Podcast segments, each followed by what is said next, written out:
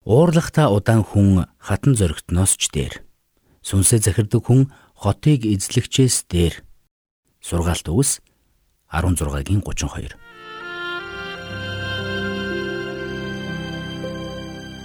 Мэргэний сонсог, мэдлэгийн тэлэг. Ухаалх нь мэрэгэн өдөртөмжийг мөн авах. Доктор Харалт цаалогийн мэрэгэн зөвлөмж нэвтрүүлэг.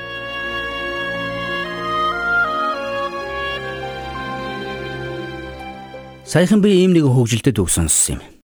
Гурван пастор нэгэн конференц дээр нууц гимнүглийн тухай номлол сонсож сэтгэл нэхэд хөдөлжээ. Тэгээд тэд өрөөндөө очисон хойноо өөрсдийн нууц гимнүглийн талаар сэтгэлээ удлаа ярилцжээ. Эхнийх нь сэтгэлээ удлаа ярьж үе үе ганцаараа дар суучихдах тухайгаа ярьсан байна. Тэрээр үүнийг цуглааныхаа итгэгчдэд мэдэгдэхийг хүсдэггүй учраас хүмүүсээс айлуулах нууцлдаг байж. Гэтэл хоёр дахь нь арх дарсны тал дээр асуудалгүйч үе үе мөрөөдө тоглодог болохоо хэлсэн байна. Харин гурав дахь нь тэр хоёрын яриаг чимээгүй сонсож сууснаа. Надад ч бас нууц гим нүгэл би хэмээн залжин байдлаар хэлжээ. Тэгээд тэр үргэлжлүүлэн миний нууц гим нүгэл бол ховж ярих. Би та хоёртой ярьсан зүйлээ Facebook дээрээ бичгийг дисэн ядаа хүлээж өгөх хэмээн хэлсэн гэдэг.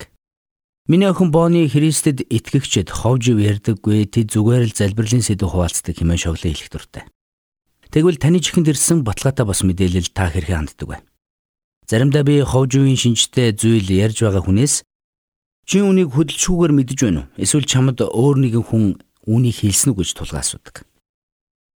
Ховж бол харанхуугаас харвсан сумтай адил аюултай юм. Нэгэн методист чуулганы пастор тохиолдсон явдлыг би санаж байна. Түүний дор ажилдаг туслах пастор түүнийг буруутгасан утгатай имэйл бичиж түүнийг чуулганыхаа бүх итгэгчд рүү илгээсэн байна. Улмаар чуулганы удирдагчид уг загтлын мөрөөр мөрдөн байцаасны эцэст уг загтал бижигдсэн буруутгал бүхэлдээ орон төсгөө болохыг олж тогтоосон байна. Хуурамч мэдээ тараасан туслах пастор бурууга хүлээсэн ч дээрх пастрын нэр хүнд аль хэдийн сэвдсэн байсан. Улмаар тэр пастор жилийн дараа үйлчлэлээ өгч уг хотыг орхиж явсан байдаг. Бидний хувьд үнэн худал ялгаагүй аливаа мэдээллийг цааш нь дамжуулахдаа дараах гурван асуултыг өөрөөсөө асууж занших учиртай юм. Нэгдүгээрт үүнийг хийх хэрэгтэй?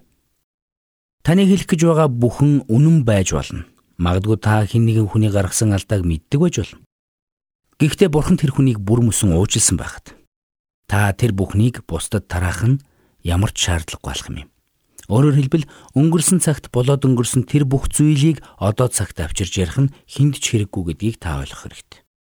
Хоёрдугаарт үүнийг хийх нь ээлдэг хэрэг мөн үү?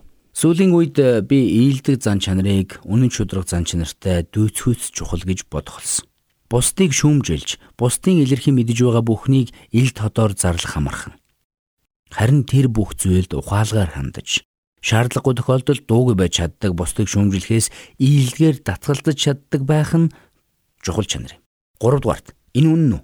Нэрд философч Эммануэль Кант хэлэхдээ Таны хэлж байгаа үг бүхэлдээ үнэн байж болно. Гэхдээ тэглээгээд үнэн бүхнийг заавал ярих ёстой гэсэн үг бишээ гэсэн байдаг.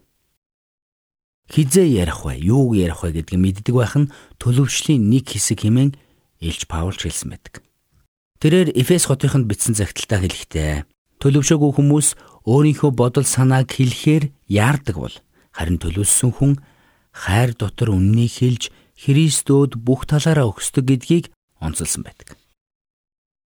Тиймээс та дараагийн удаа ямар нэгэн мэдээ дамжуулахаас өмнө өөрөөсөө дараах гурван асуултыг асуугаад үзээрэй.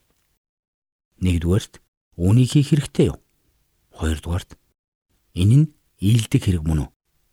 Гуравдугаарт энэ үнэн үү? Эдгээр асуултууд нь таныг хов жив тараагч байхаас хамгаалж болно. Сургаалт өгсөн номонд уурлахтаа удаан хүн хатан зөрөгтнөөс ч дээр сүнсээ захирдаг хүн хотыг эзлэгчээс дээр гисэн байдгийг та битгий мартаарай.